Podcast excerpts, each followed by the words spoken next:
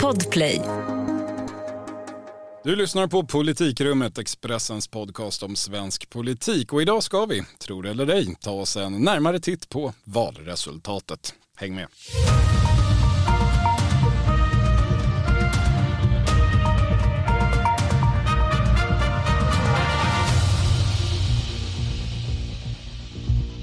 Det är tisdag den 13 september 2022. Dags för det första sammanträdet i politikrummet på den här sidan riksdagsvalet. Jag heter Viktor Bartkron och med idag Helena Gissén. Hej! Hej!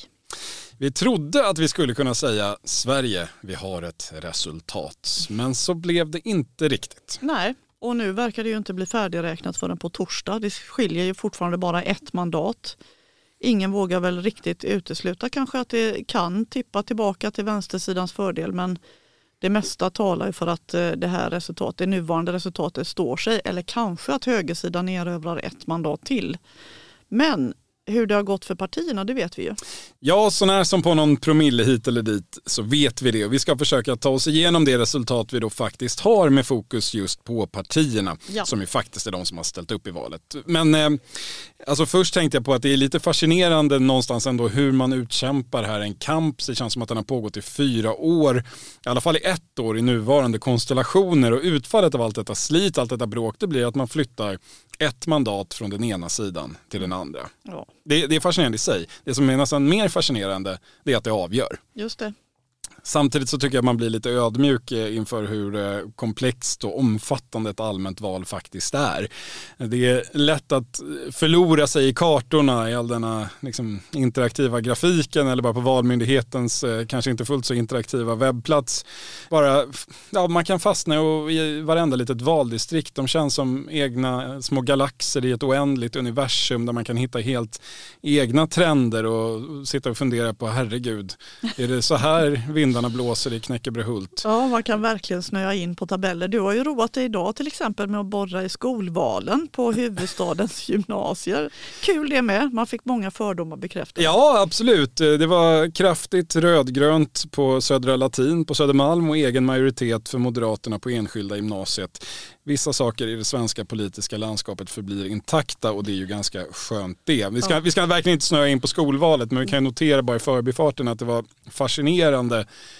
utfall på helheten. Otrolig högerövervikt. Ja, det är väldigt intressant. Det får vi faktiskt återkomma till. Ja, det kanske blir en egen podd. Det var alltså både i skolvalet och bland förstagångsväljarna. Ja. 58 procent av förstagångsväljarna röstade på något av partierna i högerkonstellationen och det var inte riktigt vad de flesta i sociala medier hade räknat med kan vi inte konstatera. Inte vad jag hade trott heller faktiskt. Men vi kanske inte ska fastna Vi ska inte det, eh, även om det är lätt. Ett komplext resultat som sagt, men nu är ju du och jag och eh, våra kollegor i förenklingsbranschen kan man man ju säga. Ja. Och därför ska vi försöka ta oss igenom huvuddragen av det här valresultatet. Och jag tänkte att vi börjar med valets vinnare varav en eh, ser ut att bli förlorare. För det finns ju två övergripande trender i det här valet. Den ena är att Socialdemokraterna går starkt framåt.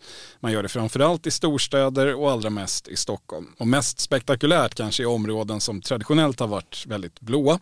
Som eh, de välbeställda förorterna Bromma och Enskede och i Stockholms norra innerstad. Ja precis, för alltså här tycks ju då Socialdemokraterna haft stor framgång med den här anti-SD-strategin. Det finns ju inte så många sverigedemokrater faktiska väljare i Stockholm överhuvudtaget. Och Moderaterna, Kristdemokraterna och Liberalerna som vill regera med stöd av Sverigedemokraterna straffas väldigt tydligt i det här valet av storstadsväljarna. Ju. Ja, möjligen eh, skulle Socialdemokraterna invända i kombination med att eh, deras partiledare som de har kampanjat så mycket ja, på absolut. har en Självklart. utstrålning som tilltalar akademiska ja, ja, storstadsväljare. Ja. Och många i Socialdemokraterna och även runt om eh, trodde nog att det här skulle bli valets avgörande trend. Jag har hört en hel del socialdemokrater, varav eh, vissa eh, sysslar med siffror på mer eller mindre heltid, eh, påstå länge att det går inte att vinna en majoritet med Sverigedemokraterna som en del i laget. Och jag ska erkänna att det trodde inte jag heller. Det verkade ju inte så. Nej. Det fanns ett strukturellt övertag i opinionsmätningarna i stort sett hela mandatperioden för det socialdemokratiska regeringsunderlaget. Trots allt som hände i omvärlden eller ibland tack vare.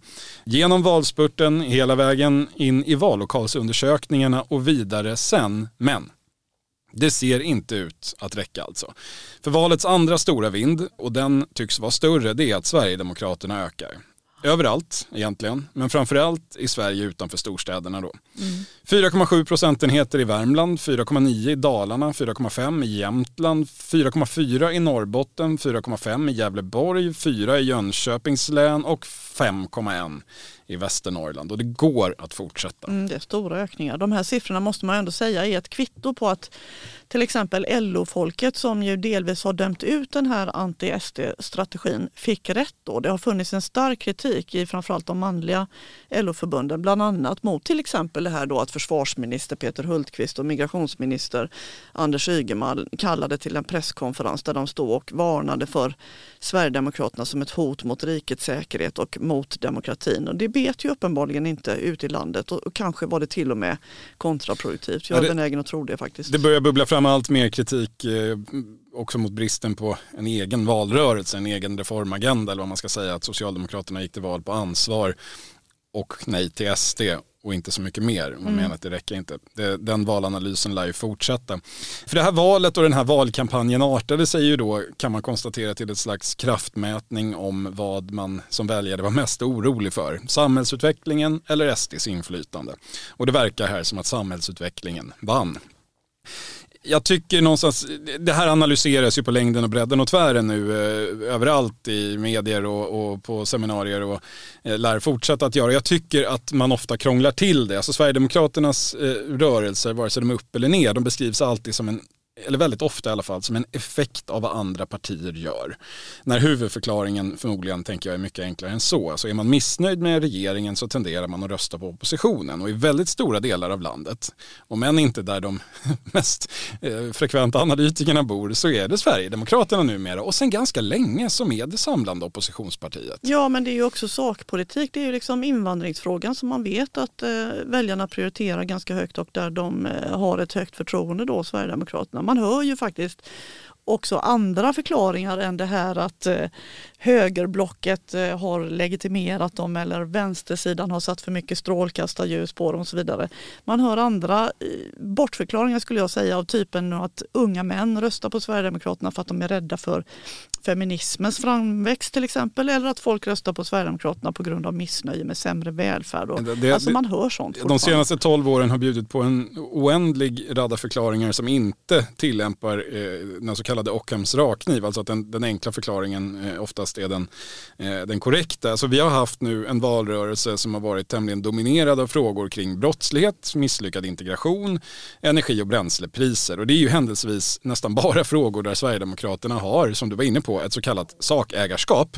Mm. Ett dokumenterat stort förtroende från breda väljargrupper, vilket man brukar använda för att förklara framväxt eller tillbakagång för andra politiska partier. Ja, alltså, jag menar, hade vi haft en valrörelse som hade dominerats av skogsbränder, oljeutsläpp i Vättern och massiv säldöd, eh, då tror jag inte att någon hade letat alternativa förklaringar till att Miljöpartiet gick fram med 3 procentenheter. Korrekt. Ja, tack för det. Eh, vi har ju en vinnare till i det här valet, eller det är väl kanske att ta i, men just Miljöpartiet står i alla fall för den tredje ökningen.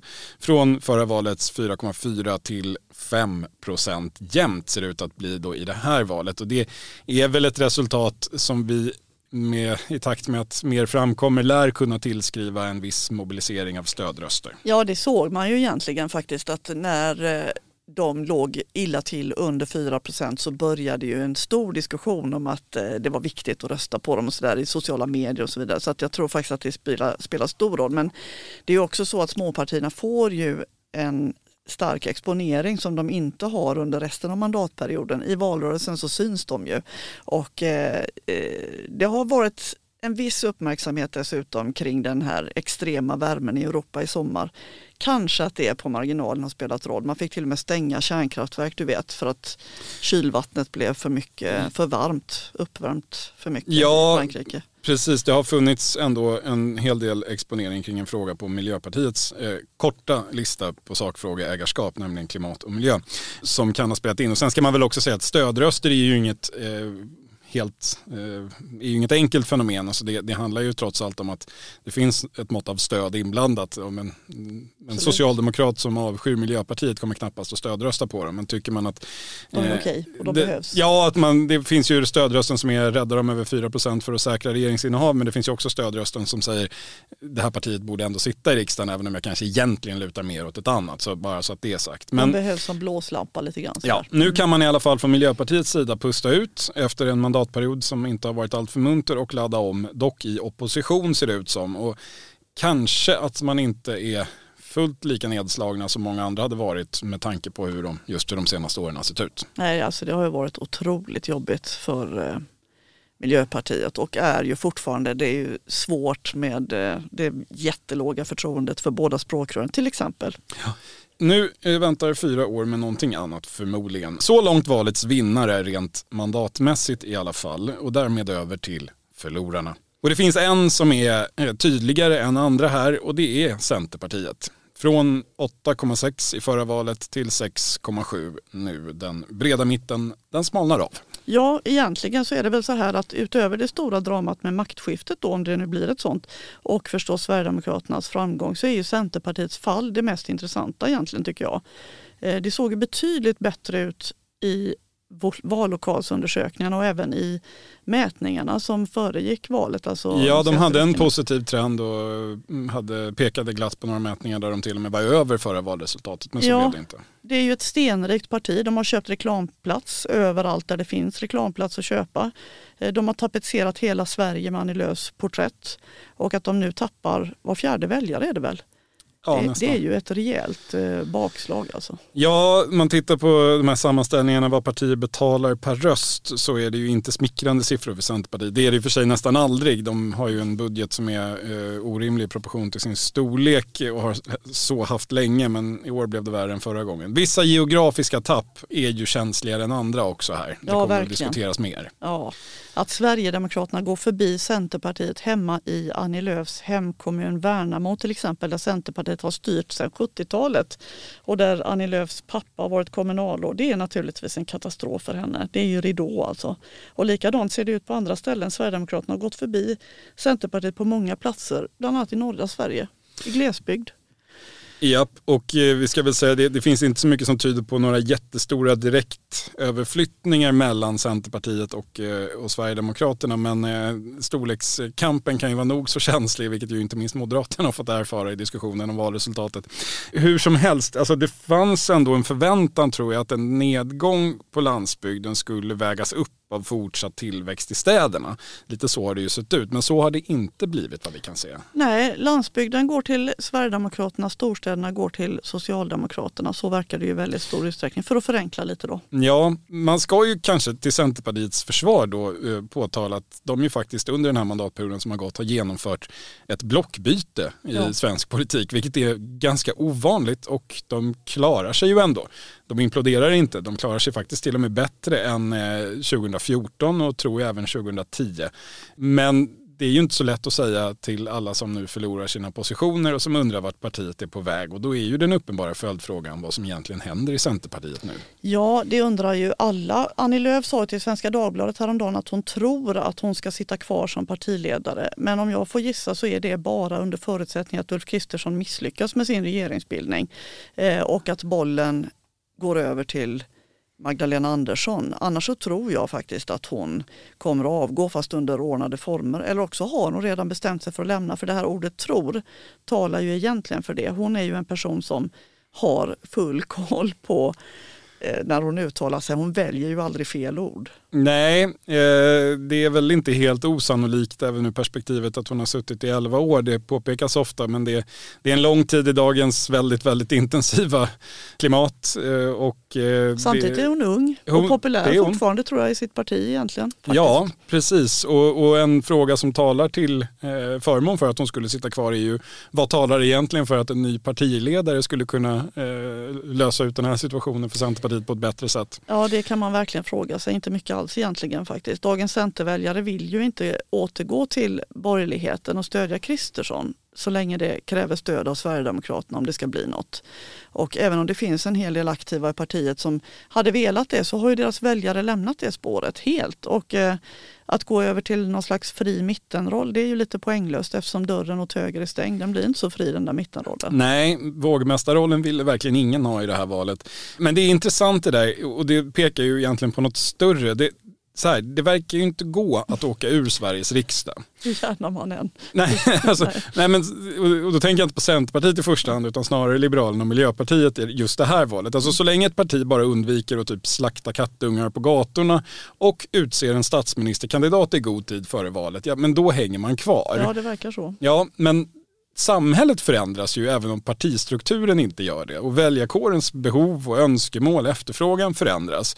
Och då tvingas ju partierna, eftersom de vägrar att, att lämna scenen och ge plats för andra, så tvingas ju partierna någonstans att förändra sig för att svara upp mot hur samhället och väljarkåren förändras. Och det mm. finns ju uppenbarligen en plats, visar ju faktiskt även det här valet och det förra.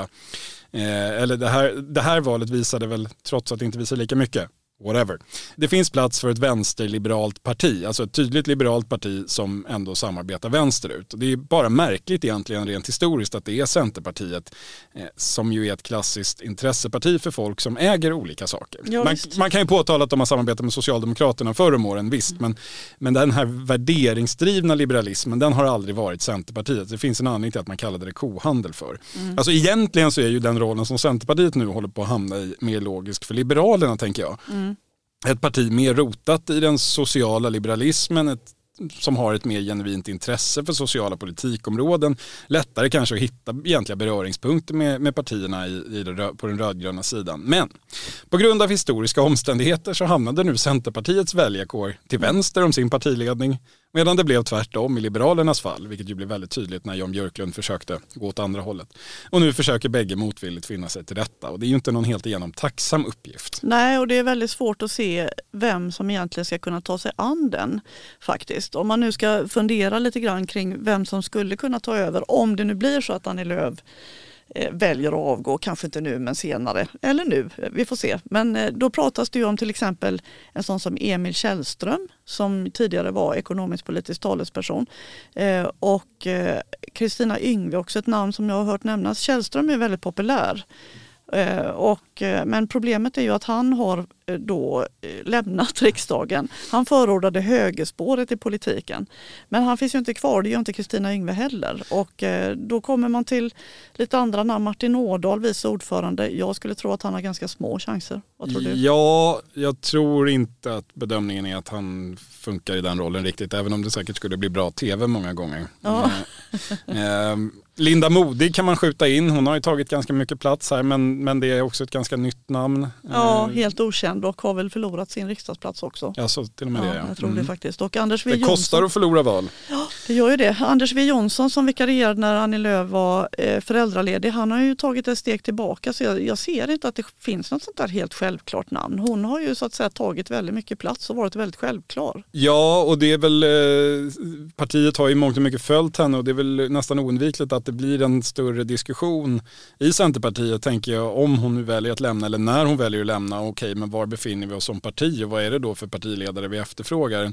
En diskussion som har viss potential att bli besvärlig, om, kanske lika besvärlig som den har varit för Liberalerna när de tvingades tänka efter. Mm. Vi får se, det är inte lätt när det är svårt. Nej. Och lätt var det här valet verkligen inte heller för Centerpartiets kanske argaste rival de senaste åren, nämligen Vänsterpartiet.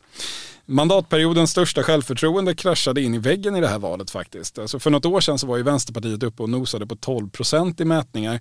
Nu slutar valet med en rejäl besvikelse. Igen, ska vi säga. Alltså förra gången så var man besvikna över 8 procent och nu får man 6,7. Och man kan ju knappast klaga på utgångsläget egentligen. Alltså, socialdemokratisk regering som har regerat mestadels högerut. Det är svårt att se någon annan ingång i ett val som skulle vara mer potentiellt gynnsam. Men Ja, det här är ju verkligen en skräll. Vem hade trott att det skulle gå så här för Nooshi Dadgostar som ju, precis som du sa, förra sommaren när hon avsatte regeringen så fick hon ju en Just nu pågår vår stora season sale med fantastiska priser på möbler och inredning. Passa på att fynda till hemmets alla rum, inne som ute, senast den 6 maj. Gör dig redo för sommar. Välkommen till Mio. CSRD. Ännu en förkortning som väcker känslor hos företagare. Men lugn, våra rådgivare här på PWC har koll på det som din verksamhet berörs av. Från hållbarhetslösningar och nya regelverk till affärsutveckling och ansvarsfulla AI-strategier. Välkommen till PWC. Rejäl skjuts i opinionen. Och så här illa har det ju inte sett ut i mätningarna. Nej, jag har inte sett dem under sju någon enda gång. Nej, det är konstigt faktiskt. Och Dadgostar har lyckats tvinga igenom en stor pensionshöjning precis före valet. Eh, sånt brukar ju kunna betala sig. Hon hade säkert eh, räknat med att få betalt av väljarna för det så jag tror hon är väldigt snopen. Hon gick in för att tona ner Vänsterpartiets identitetspolitik, feminismen och allt det där. Eh, och hon ville locka män i bruksort. Ja, det har varit mycket diskussioner om det och det kan väl konstateras att den strategin att bli ett bredare och mer folkligt parti, om det nu ska, man kan beskriva det så, det, den har åtminstone inte betalat sig i det här valet. Jag tittade lite på så, några orter där hon har turnerat i bygghjälm. Eh, det var ju mycket uppmärksamhet kring det förra hösten när eh, Nooshi Dadgostar var ute och besökte olika industrier och ja, pratade som en gammaldags gråsosse. Kramfors var hon bland annat i. Där eh, ligger Socialdemokraterna kvar på 41 procent, Vänsterpartiet backar från 12 till 9 procent, Sverigedemokraterna går samtidigt upp från 16 till 25. Mm. Men det var, det var ett försök att dra väljare över blockgränsen i alla fall. Det får man ju säga. Mm. Men sen kopplat till det där då, den där industriturnén, så har ju partiet internt haft en uppslitande strid om klimatpolitiken också. Den konflikten startade med att ledningen helt enkelt körde över riksdagsledamöterna och sa ja till du vet den här eh, tillfälliga tillståndet om fortsatt kalkbrytning på Cementa på Gotland.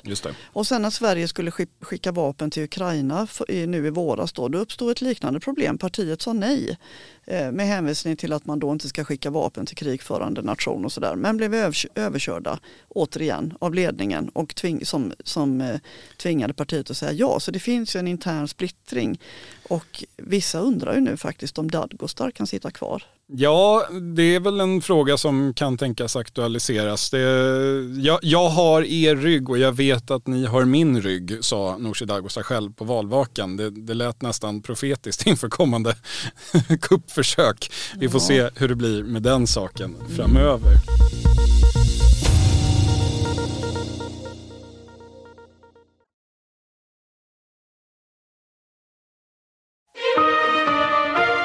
Vi ska säga att Vänsterpartiet var ju inte den enda förloraren i det här valet, inte Centerpartiet heller, eller de två tillsammans. Det fanns fler, fem partier gick bakåt. Tre av dem var ändå på något sätt vinnare eh, eftersom de tillhörde, eller nu ska, vi, nu ska vi vara noggranna här, de ser ut att bli vinnare. För ja, det här det är inte klarräknat. Nej, det, är inte det är fullt möjligt att de blir förlorare och att de andra två blir vinnare. Men mm. eh, mest, om vi ändå utgår från eh, att eh, högersidan håller sin eh, ledning eller till och med drygar ut den så gäller det jag sa.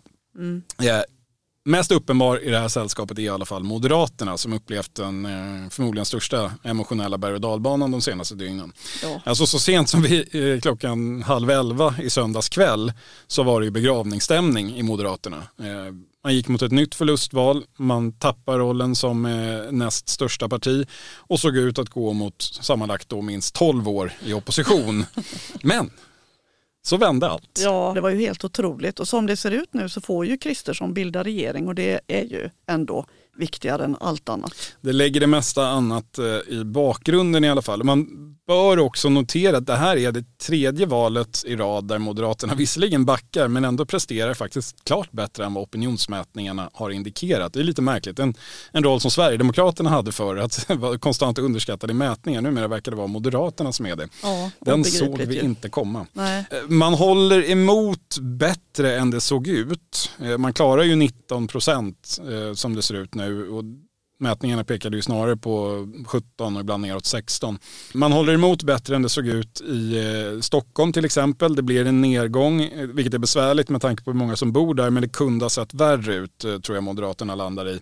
I Stockholms stad går man från 22 procent till 90 19 och i Stockholms län, alltså utanför stan, de folkrika kranskommunerna med nästan en och en halv miljoner invånare, där går man från 26 eh, procent i förra valet till 24. Man är näst störst på bägge ställen. Och Moderaternas död som storstadsparti är väl aningen överdriven i alla fall. Till deras stora lättnad tror jag, för jag tror faktiskt att de hade räknat med att det kunde gå klart mycket sämre. Ja, det fanns mycket som indikerade det. Så det här var nog en...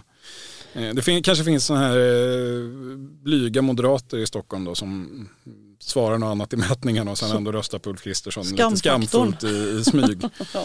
Men det fanns ju samtidigt förutsättningar för, dem, för Moderaterna att gå bättre i riksdagsvalet. Alltså Socialdemokraterna har regerat i åtta år. Många undrar ju vad de egentligen har åstadkommit. De har ju hankat sig fram under ganska svåra omständigheter i minoritet. Och de frågor som har dominerat i den här valrörelsen och på senare tid överhuvudtaget är ju tydliga högerfrågor som du var inne på tidigare. Och i flera fall så är de ju helt moderatstämplade. Vi har NATO-medlemskapet, vi har storsatsning på försvaret, hårdare tag mot kriminella, energikrisen, kärnkraften och så vidare. Och så vidare. Och ändå backar Moderaterna och Socialdemokraterna ökar. Ja, och den invändning som kommer från en del moderater, bland annat från Carl Bildt såg jag häromdagen, det, det är ju att eh, det är lite svårare numera för det finns ett nytt parti till höger om Moderaterna eh, som är väldigt stort och som ju då också eh, har tagit sakägarskapet i flera av de här Ja. frågorna. Och det är ju såklart en, något av en bortförklaring, eh, men den samlade högern, om man räknar in det numera tydligt högerpositionerade Kristdemokraterna också, vilket man ju bör göra, så är ju den samlade högern över 45 procent numera. Och Jämför då med valet 2002 när Moderaterna gjorde fiasko, då var det ju 15 procent och ingenting till höger. Nej. Det är klart att det spelar in. Samtidigt eh, är det ju inte nytt. Moderaterna har backat som sagt tre val i rad. Borgerligheten överlag behöver väl framförallt hitta ett nytt sätt att vinna mark. Alla partierna backar nu, eh, även då Centerpartiet eh, på den andra sidan. Nu har man ju tappat de här fyra partierna från eh, nästan 50 procent i valet för 12 år sedan till eh, eh, ja, 36 eller till och med 29 om man då räknar att man faktiskt har förlorat hela Centerpartiet också. Alltså borgerlighetens ställning är ju väldigt svag och, och det bör väl bli någon form av diskussion om hur man ska kunna erbjuda någonting som folk faktiskt vill ha. Eh, Sen kan man säkert också fundera lite på förhållningssättet till Sverigedemokraterna. Jag säger inte att det är någon stor förklaring eh, till, till SDs framväxt, men det här faktumet att man inte ens har försökt ta debatten med Sverigedemokraterna i det här valet, inte ens gjort en ansträngning för att påtala att här, det är bättre att rösta på oss än på Sverigedemokraterna. Det, den, den linjen vet, vet tusan om den kommer att överleva eh, eftervalsanalysen faktiskt. Nej, men eh, så har det verkligen varit. Moderaterna har satsat allt på enigheten, laget i, i då konfrontation med Magdalena Andersson som har satsat allt på jaget, på att hon ska vara någon slags eh, presidentkandidat. Och eh, Ulf Kristersson har ju till och med berömt de andra, inklusive då Sverigedemokraterna i sina tal flera gånger till och med. Och precis som du säger inte tagit eh, alls eh, egentligen strid med dem. Jag antar att strategin är att eh, hålla ihop nu, visa den här lagandan och sen gå in och försöka helt enkelt ta deras väljare genom att driva deras politik. Lite enligt dansk modell kanske, jag vet inte. Något i den stilen kanske, men jag tror också att eh, det, det, finns, eh, det finns ett element av att utkämpa 2006 års krig här. Alltså, jag tror att man från Moderaternas sida trodde att det skulle betala sig bättre att vara lagledare, vilket det ju gjorde under alliansåren där Moderaterna inte ens tog fram något eget. Eh, de andra allianspartierna hade egna valmanifest, Moderaterna hade bara alliansen så de fick alla röster ändå. Så är det uppenbarligen inte nu. Den dynamiken finns inte här utan det är två konkurrerande eliter i det här högerblocket. Det är Moderaterna och det är Sverigedemokraterna. Och Sverigedemokraterna har ju på ett helt annat sätt spelat ett solospel och sett till att maximera sitt eget röstande och pratat inte jättemycket om min sida i politiken. Nej, utan- varit lite ödmjuka när det har passat dem. Ja, och annars pratat om de sju gamla partierna som har förstört Sverige. Ja. En del i det borgerliga tappet, det står i förra valets raket Kristdemokraterna för. Ja, de har ju backat eh, 0,9 procent. Inte sådär jättemycket att säga någonting om. Procentenheter heter det. Möjligen kunde man väl ha tänkt sig att den, den där omskrivna falukorven som hon har kört med Ebba Busch och den allmänt tuffa debattstilen hade kunnat löna sig men det gjorde den ju tydligen inte. Nej, det blandade känslor även där. Maktskiftet såklart viktigast. Ett historiskt helt okej resultat för Kristdemokraterna. Man hänger inte på gärdsgården. Men man hade förhoppningar om att slåss i en annan viktklass, vilket man inte gör. Nej. Men sist och minst har vi Liberalerna. Och här finns det väl ändå lite mer att säga. Det har ju varit en, en mandatperiod som ingen annan, som Andreas Norlén brukar säga. Nej, det är ju helt fantastiskt vad jobbigt de har haft det. Men nu är det en stor lättnad förstås att de har klarat sig kvar då i riksdagen. Men det var ju inte alls med någon stor marginal. Nej det var det inte, men ändå ett slags mirakel. Alltså, om man tittar, var kommer de ifrån? Man, man hade inget kanonresultat i förra valet, drygt 5 procent. Sen dess har man då lyckats byta sida, inte en gång, utan två gånger och bägge gångerna på starkast möjliga sätt genom att helt utesluta det andra. Först var högern eh, en väg till Ungern och sen är det helt uteslutet att samarbeta med Socialdemokraterna. Man har lyckats alienera precis alla och ändå skaffa sig precis så många vänner som man behövde för att komma in. Trots att man då låg under 3% i mätningarna så sent som fem månader före valet. Så nu är allt frid och fröjd i Liberalerna, eller? Alltså man måste ställa sig frågan, blir det någonsin fred i Liberalerna? Jag tvivlar på det. Jag har ju skrivit en artikel om att många liberaler är helt utleda. De är dödless på de här interna bråken som bedrivs hela tiden inför öppen ridå. Eh, man kan ju kalla det verkligen för självskadebeteende och det har ju plågat partiet ända sedan de blev tvungna att välja sida då för fyra år sedan. Vissa skulle säga sen partisprängningen på 20-talet men, det, ja. men i, det, i det akuta skedet så. Ja, i det akuta skedet. Ja. Det påstås ju att tålamodet nu då är slut och att den här bussincidenten du vet, att det blev droppen. Ja, vi kanske ska påminna om det för det var ju, det, det var ju där det blossade upp igen efter några månaders konstgjord fred. Ja, då var det så här att några veckor före valet när deras energipolitiska talesperson skulle åka en kampanjbuss till kärnkraftverk med sina motsvarigheter i de andra partierna på högersidan då, inklusive Sverigedemokraterna. Då utbröt nya kravaller bland annat i sociala medier och även i, i traditionella medier för den delen. Liberalkandidater som har chansen att komma in i riksdagen skrev arga inlägg, framträdde i medierna med sin kritik mot ledningen och mot att man gjorde så här. Vissa tyckte att man helt tappade sugen att bedriva valrörelse och sådär. Källor jag har pratat med menar att de kan ha varit på väg mot 7% i mätningarna då, men att den här bussaffären vållade pyspunka och att det här beteendet att eh, öppet då frondera mot eh, partiet och partiledningen kommer att bestraffas väldigt hårt i fortsättningen. Ja, de kommer att mötas av kallt stål, eh, sa eh, någon i, i, din artikel och det tyckte jag lät spännande. ja, precis. Va, va, det låter inte... Härligt alls. Nej, Nej det, det, låter varken härligt eller, eller särskilt möjligt. Nej, jag vet inte. Jag tillåter mig att undra om någon i ledningen för Liberalerna egentligen har kapacitet att få slut på det här interna krypskyttet. Men det finns alltså de som påstår att både Johan Persson och den nya partisekreteraren då, Maria Nilsson, som båda, eller som hon, hon i alla fall har en väldigt försiktig eh, framtoning, men att båda dessa kan sätta ner foten när det behövs. Jag är inte så övertygad om det. Jag tycker både Johan Persson och Maria Nilsson känns väldigt långt från kallt stål måste jag säga. Men okej, okay, vi har ju hört eh, en av de främsta SD-kritikerna, Anna Starbrink, som ju är på väg in i riksdagen. Ja, det, eh, det, det kan man nog räkna ja, med. Ja, det måste man väl ändå utgå ifrån att hon kommer in. Hon, vi har hört henne säga i Dagens Industri att man ska följa partiledningen. Och igår sa faktiskt, eller om det var i förrgår, eh, ex-partiledaren Bengt Westerberg som ju röstade på Centerpartiet i det här valet det. i protest mot den här SD-linjen, att man ändå ska rösta partilojalt om regeringsfrågan. Det tror jag kan ha betydelse. Så att det kanske ändå blir lite lugn och ro. Många dissidenter har dessutom lämnat riksdagen i protest och det kan ju underlätta för Johan Persson? Jag, jag undrar jag ändå. Jag, jag, skrev ett påpekande under, medan rösträkningen fortfarande pågick eh, på Twitter att eh, nu var det bara några 10 000 röster ifrån att eh, en internkritisk folkpartist skulle bli vågmästare i riksdagen. Eh, och sen blev det ju, eller ser det ut att bli så. Och nu två dygn senare så fick jag svar på den tweeten. Mycket intressant punkt och avsändare var Anna Starbrink. Ja. Så vi får väl se. Eh, men man måste ändå kommentera det. Man hör ofta gamla partiledare eh, säga att nej men de vill inte lägga sig i vad efterträdarna gör eftersom de själva tyckte det var så jobbigt när gamla stofiler hade synpunkter. Och vi kan väl bara konstatera att Bengt Westerberg resonerar absolut inte så. Han lägger sig i precis allt åt båda håll eh, ja, just nu. Och Maria eh. Leisner och alltså, ja, nej, det är en, de, de är verkligen en del av självskadebeteende skulle jag vilja säga. De är en del i konflikten i alla fall, helt klart. Då är ju frågan, eh, det var alla partier tror jag, de är så många fortfarande så det är nästan svårt att hålla reda på det. Den vanligaste frågan jag får just nu, säkert du också, är ju hur slutar allt detta? Ja, före valet undrar alla vem vinner valet och efter valet undrar alla vem får regera? Ja, men eh, grundtipset, eh, givet att valresultatet står sig, alltså 175 mandat för Ulf Kristerssons så kallade sida av politiken och 174 för de som absolut inte vill ha Ulf Kristerssons sida av politiken. Det är väl att det blir ungefär som Ulf Kristersson har sagt, det vill säga en moderatledd regering, förmodligen med Kristdemokraterna i, som stöder sig på Sverigedemokraterna och Liberalerna på ett eller annat sätt. Mycket närmare mm. än så vet jag inte om jag vågar gå. Nej, alltså eh, jag tycker att det här är svårtippat.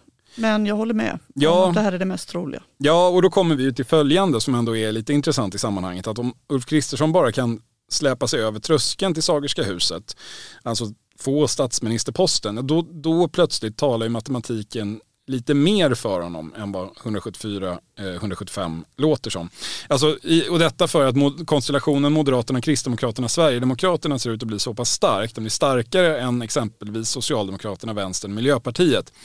Och det talar ju för att regeringen kommer ha lite lättare att fungera än den regering som vi har sett eh, på plats under de senaste månaderna. För, ja. för ingenting talar ju för att Centerpartiet och Vänsterpartiet exempelvis kommer ha något omfattande oppositionssamarbete, lägga gemensamma förslag, gemensamma budgetar. Eh, så det ger lite fel marginaler man kan hantera om Liberalerna vill sätta sig på läktaren istället. Och någon politisk vilde kanske man kan ha råd med, även om det är, så länge inte vilden blir socialdemokrat. Eh, men så har det inte sett ut hittills. Så lite positiva vindar där ändå. Men vågar man verkligen utesluta, menar du, att de fyra på vänstersidan gör upp i olika frågor? Till och med i budgetfrågor. Det kanske inte alls är så troligt men säker kan man väl inte vara. Och att någon liberal avvikare då som inte är rädd för kallt stål får för sig att trycka grön knapp till det. Alltså det var ju Magdalena Andersson som började en gång i tiden. 2013 gick de rödgröna ihop med Sverigedemokraterna och stoppade en skattesänkning. Jag tror inte att hon är så främmande för att ställa till problem för Ulf Kristersson. Eh, åtminstone inte när krig och elkris och sådär eh, är över sen. Nej, nej, det, tror, tillägga. nej det tror inte jag heller och jag, eh, jag tror inte att man behöver vänta till, till vare sig kriget eller elkrisen är över för att en socialdemokratisk opposition ska tycka att det finns poänger med att sätta käppar i hjulet för en moderatledd regeringsbudget. Men jag tror ändå att det snarare kommer handla om enskildheter mm. när det gäller budgeten. Men däremot så absolut, det är klart att eh, det kommer att begränsa regeringens handlingsutrymme, eller det skulle begränsa regeringens handlingsutrymme i allt annat. Alltså budgeten, där, där behöver du förlora mot ett större alternativ. Men när det gäller vanliga propositioner som regeringen lägger fram, alltså all annan politik, ja men då är det ju lättare att få en majoritet emot sig. Eh, om bara så en liberal ledamot eh, röstar nej. Mm. Och det är klart att mycket av det som Moderaterna, Kristdemokraterna och Sverigedemokraterna kommer komma överens om i förhandlingsrummet med eller utan Liberalerna är ju eh, lagförslag till Sveriges riksdag. Ja. Och det är klart att eh, det finns en ganska uppenbar risk då att Sverigedemokraterna hamnar i Vänsterpartiets gamla roll. Att man lyckas få Moderaterna och Kristdemokraterna att eh, acceptera eh, olika typer av lagändringar som sen läggs till riksdagen och röstas ner av de rödgröna ihop med någon liberal eller hela Liberalerna.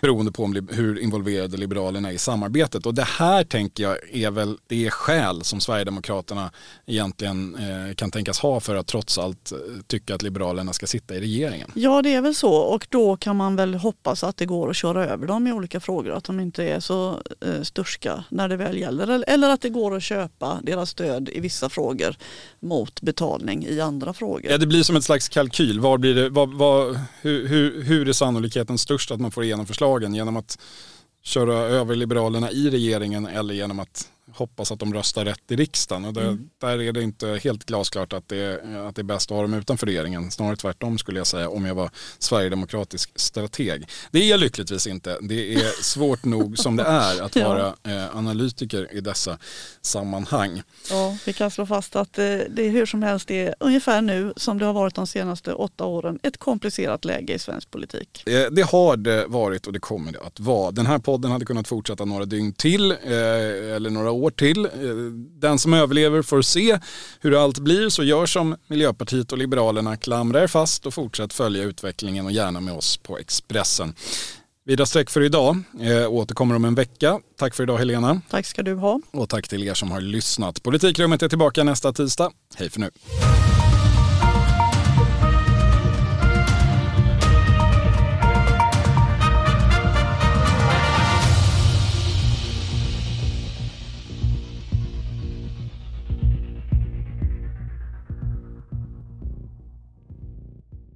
Du har lyssnat på en podcast från Expressen. Ansvarig utgivare Klas Granström. Hej, Synoptik här. Visste du att solens UV-strålar kan vara skadliga och åldra dina ögon i förtid? Kom in till oss så hjälper vi dig att hitta rätt solglasögon som skyddar dina ögon. Välkommen till Synoptik.